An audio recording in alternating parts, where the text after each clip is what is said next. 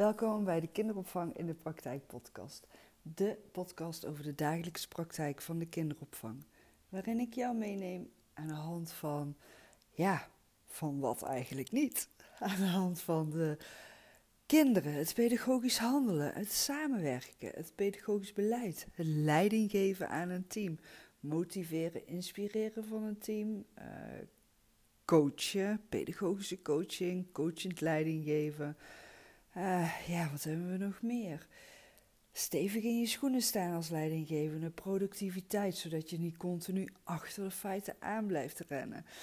Um, ja, en de rode draad is toch echt wel die dagelijkse praktijk. Ik ben echt een meisje uit de praktijk, zoals ik het altijd zelf zeg.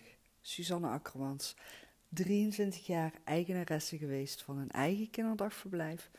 Na 23 jaar en twee awards voor allerbeste kinderdagverblijf van Noord-Brabant heb ik mijn kinderdagverblijf mogen verkopen, omdat het op mijn pad terecht kwam. En dat was geen makkelijk besluit, maar uiteindelijk besloten om het toch te doen.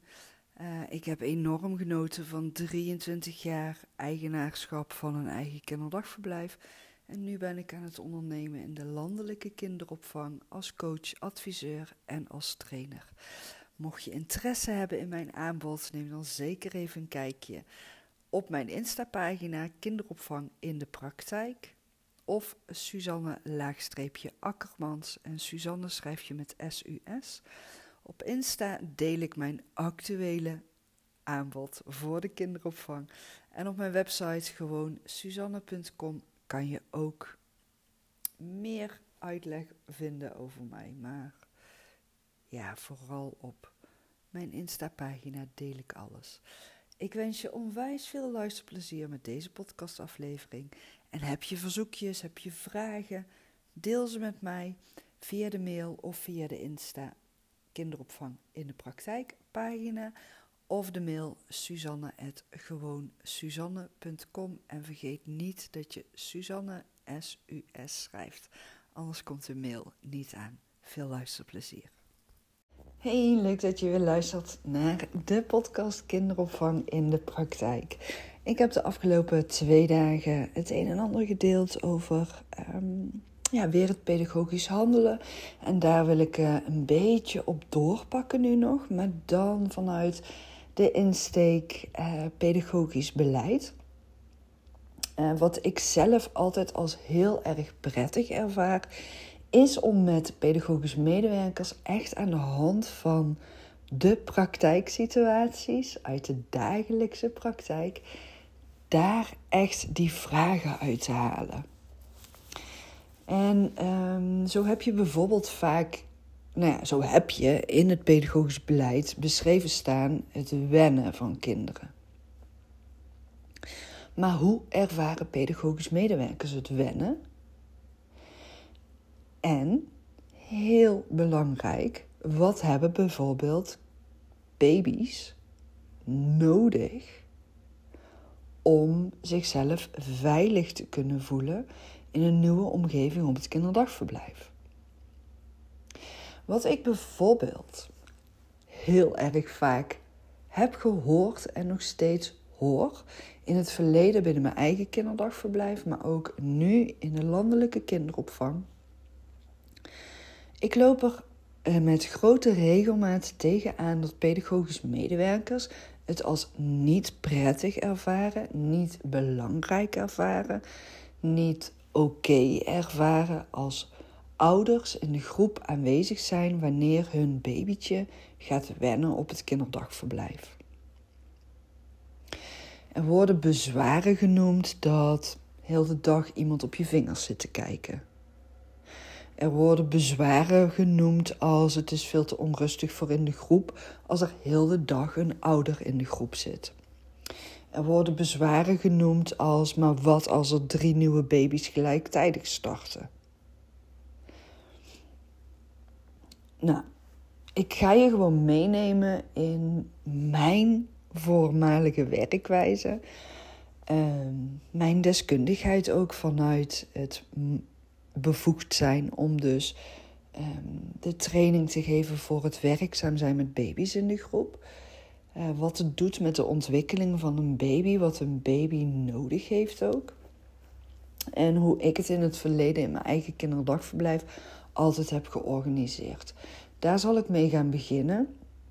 Um, ik liet bijvoorbeeld nooit twee nieuwe baby's gelijktijdig in de groep wennen. Uh, ik probeerde daar heel alert op te zijn dat dat zo min mogelijk voorkwam.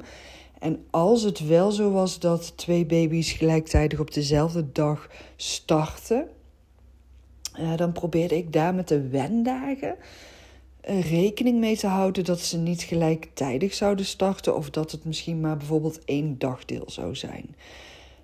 Bij mij was het ook altijd zo in het verleden dat ouders gewoon een hele maand samen met hun baby, voordat de opvang van start ging, mochten komen wennen. Ze mochten zelf bepalen hoe vaak zij erbij aanwezig zouden zijn en hoe lang ze aanwezig zouden zijn.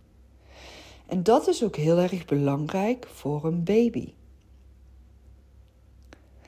Een baby heeft het nodig om te voelen vanuit de moeder dat een ruimte en dat mensen oké zijn.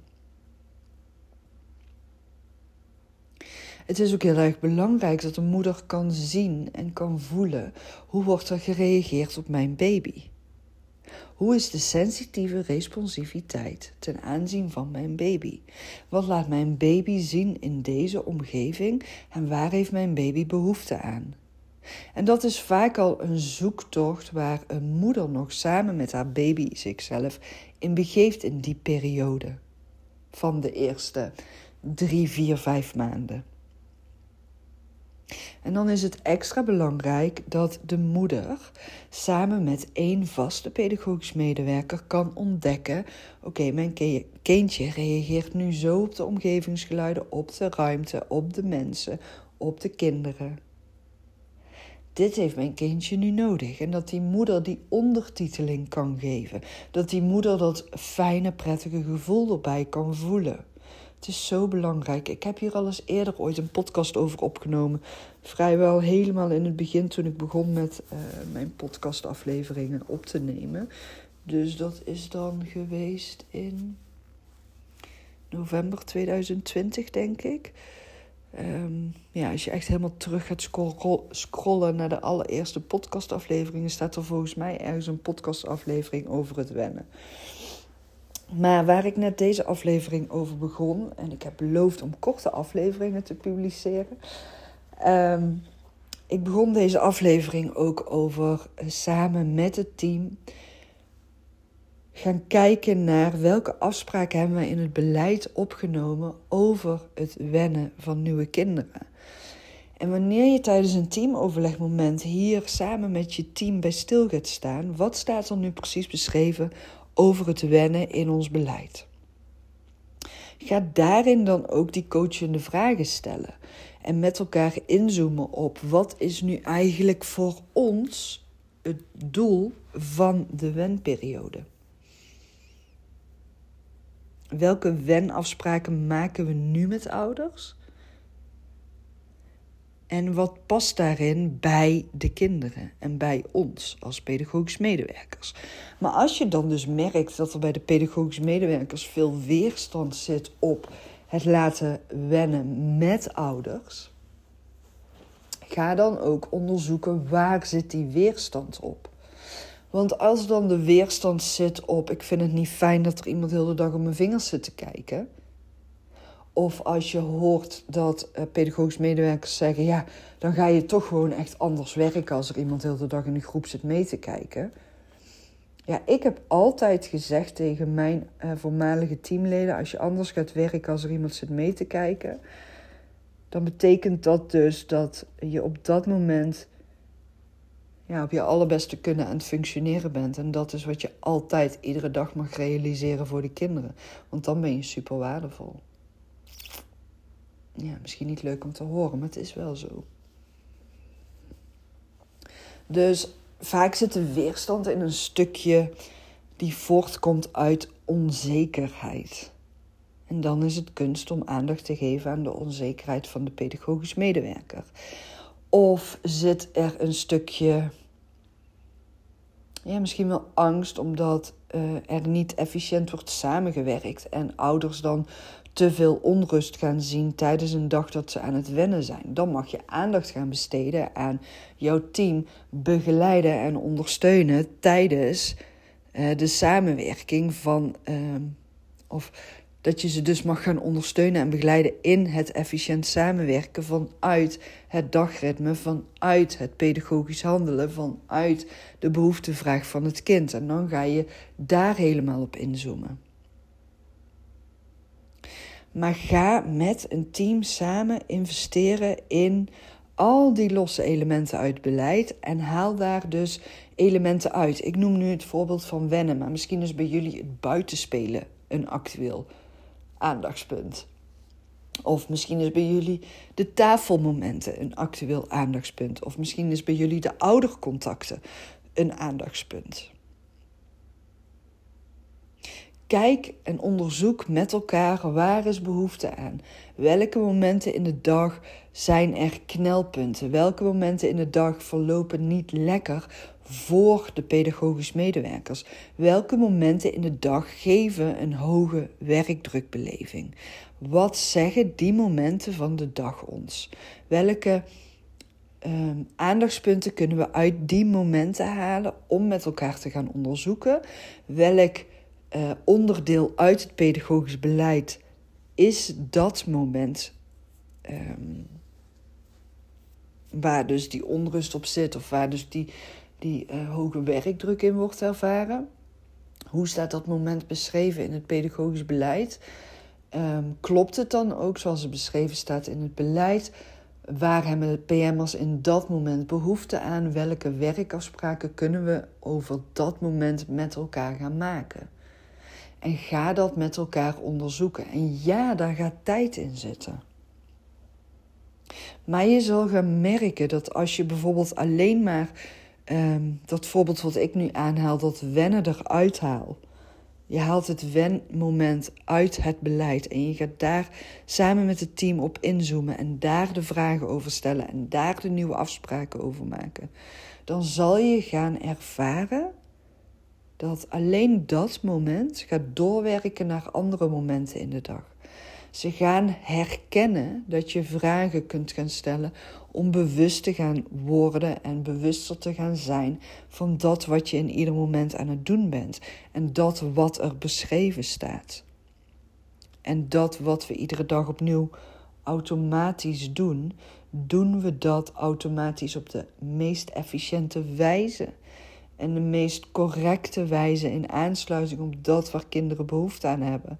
Of kan dat beter of verbeterd worden of op een nieuwe manier vormgegeven worden of efficiënter in samengewerkt worden of meer aangesloten gaan worden op de behoeftevraag van de kinderen of meer gaan aansluiten op de behoeftevraag vanuit de ouders?